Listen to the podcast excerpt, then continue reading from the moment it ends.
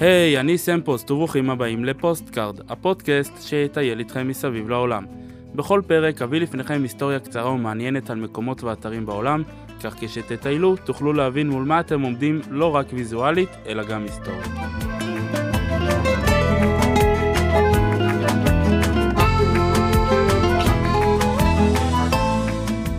והיום נעלה לירושלים עיר הקודש והפקקים וניסע לשוק מחנה יהודה. או ליתר דיוק לרחוב יפו 92, ונגיע לבניין הגבוה הראשון בירושלים, שעליו שעון שמש. ואני מדבר כמובן על בית שעון השמש שבירושלים.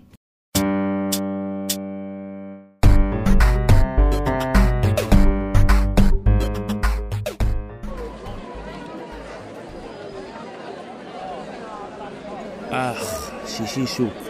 מושג שהוטמע בשנים האחרונות ובו הרבה אנשים עולים לשוק מחנה יהודה שבירושלים להריח ולטום מניחוחות ומעדני השוק.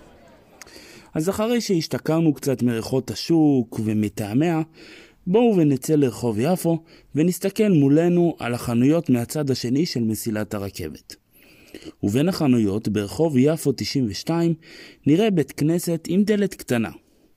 אם נרצה לדעת מה השעה עכשיו, נרים קצת את הראש ונראה שהמבנה בעל ארבע קומות, כשבקומה העליונה יש שעון שמש גדול.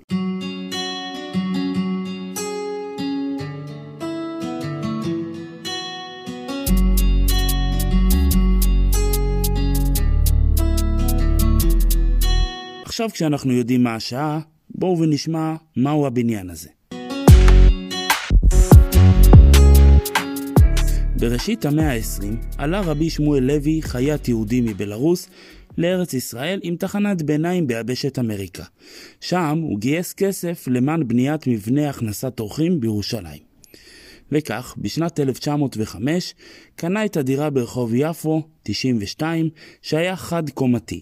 הוא בנה מעליו עוד שתי קומות, ועליהם עוד עלייה מעץ, ועליה כעין מגדל, גם כן מעץ. בשנת 1908 נחנך הבניין.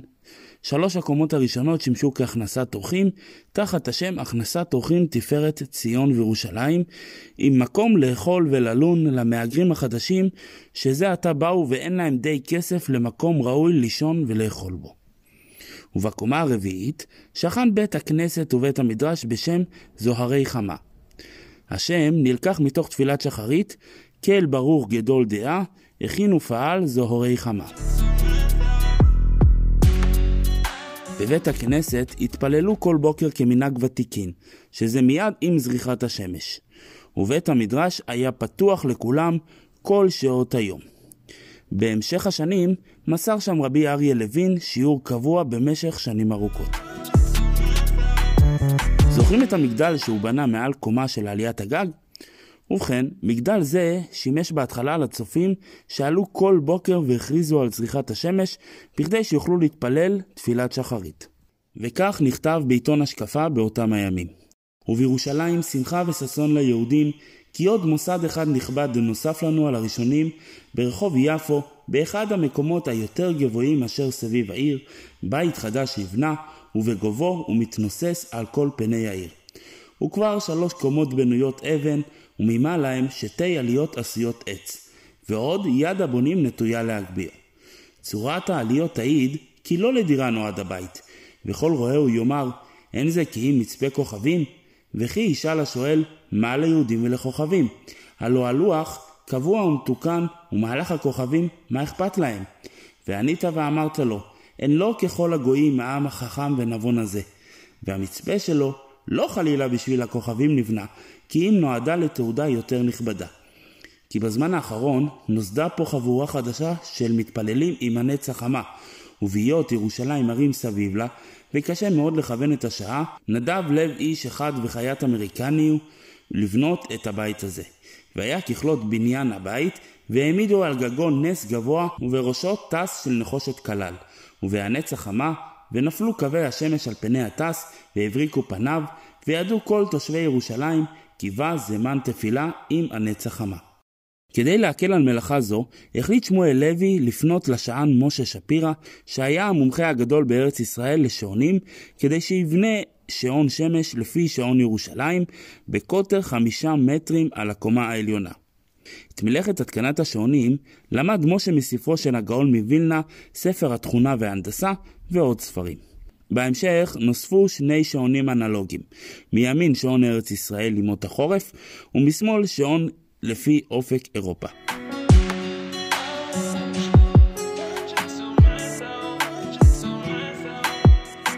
בשנת 1929 ניזוק הבית ברעידת אדמה, ובשנת 1940 בית הכנסת בקומה הרביעית נשרף, ואז עבר בית הכנסת לקומה הראשונה, שם הוא פועל עד היום. בשנת 1980 שוחזרה חזית הבניין כולל השעונים על ידי עיריית ירושלים.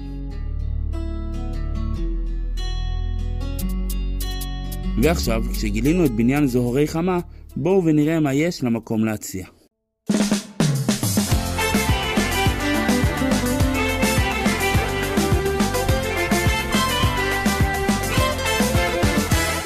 כיוון שזהו בית כנסת, אז בימות החול מוגבלת הכניסה לגברים בלבד.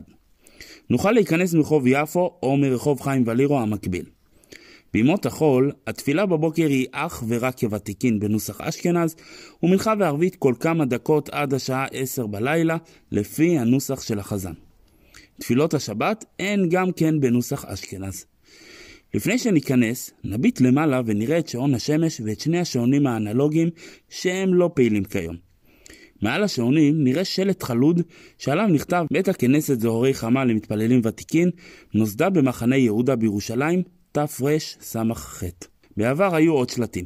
על ראש המגדל מעץ נכתב בן פורת יוסף, ובקומה הרביעית את השלט שהזכרנו לעיל, ובקומה השלישית שלט בעברית ובאנגלית, שמואל לוי חיית מאמריקה.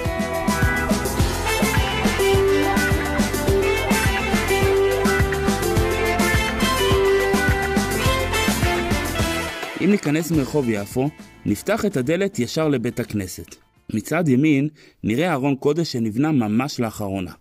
ומה שמרגש אותי בארון הקודש הזה, שאני זכיתי להיות חלק בבנייתו ואחראי לצביעתו.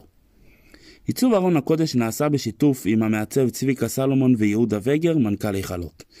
ארון הקודש משולב עץ ונחושת, ובראשה נראה מסגרת משולשת מעץ, שבתוכה טסת נחושת עתיקת יומין.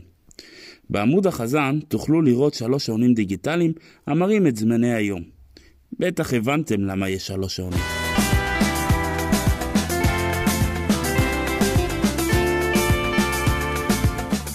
נמשיך הלאה ונגיע למעבר בין חדרי התפילה, שגם הוא חדר תפילה בפני עצמו. שם תוכלו לראות על הרצפה ירידה למרתף הבית שמכוסה בזכוכית. נעלה בזהירות לקומה למעלה במדרגות הצרות ונגיע לעוד היכל תפילה. נעלה למעלה לקומה העליונה על מדרגות אבן וברזל שהן חיצוניות למבנה המקורי, ונגיע לבית המדרש לכל מי שליבו חפץ, הפתוח מוותיקין עד עשר בלילה. שם שוקדים דרך קבע אנשים על לימודם.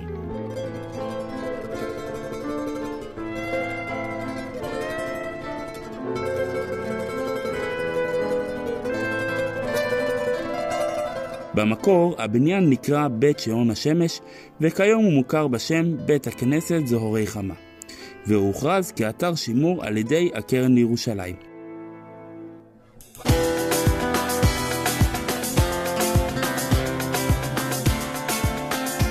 ולסיום, סיפור קצר על השען משה שפירא. אחרי שבנה את שעון השמש במחנה יהודה, רצה השייח אבו נימר אפנדי להתקין שעון שמש כדוגמת זה על הקשתות המובילות לכיפת הסלע בהר הבית.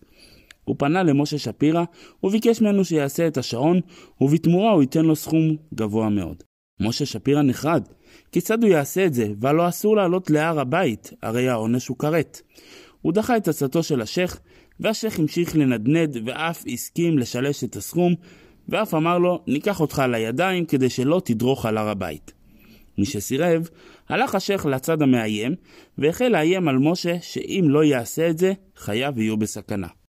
בצר לו, פנה אל רבו רבי חיים זוננפלד זצ"ל, ושאל מה עליו לעשות. יש האומרים שהרב זוננפלד אמר לו שמותר לו מפני פיקוח נפש, ויש האומרים שיעץ לו לברוח. בכל מקרה, ברח משה שפירא מירושלים לפתח תקווה, שם גם בנה שעון שמש, יש האומרים שלא שב לירושלים עד סוף ימיו, ויש האומרים ששב אליה בערוב ימיו, והוא נקבר בהר הזיתים.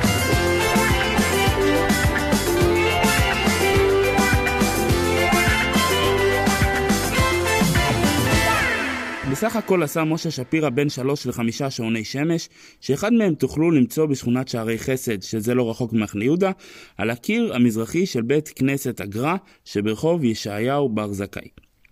השעון אומנם לא גדול כמו במחנה יהודה והוא די קטן, וכתוב עליו שעון שמשי עם ציור משה שפירא. כשנביט בו, נראה שתי מערכות של קורדינטות, קווים מאוזנים מציגים שעה אירופית, וקווים אלכסוניים מציגים את השעה הארץ ישראלית, כשהיום מתחיל בשקיעה ומסתיים בשקיעה. מעל השעון יש שמות תמחור, שהשמש העוברת דרכה מראה נקודה על הלוח ואת השעה בשתי המערכות בו זמנית.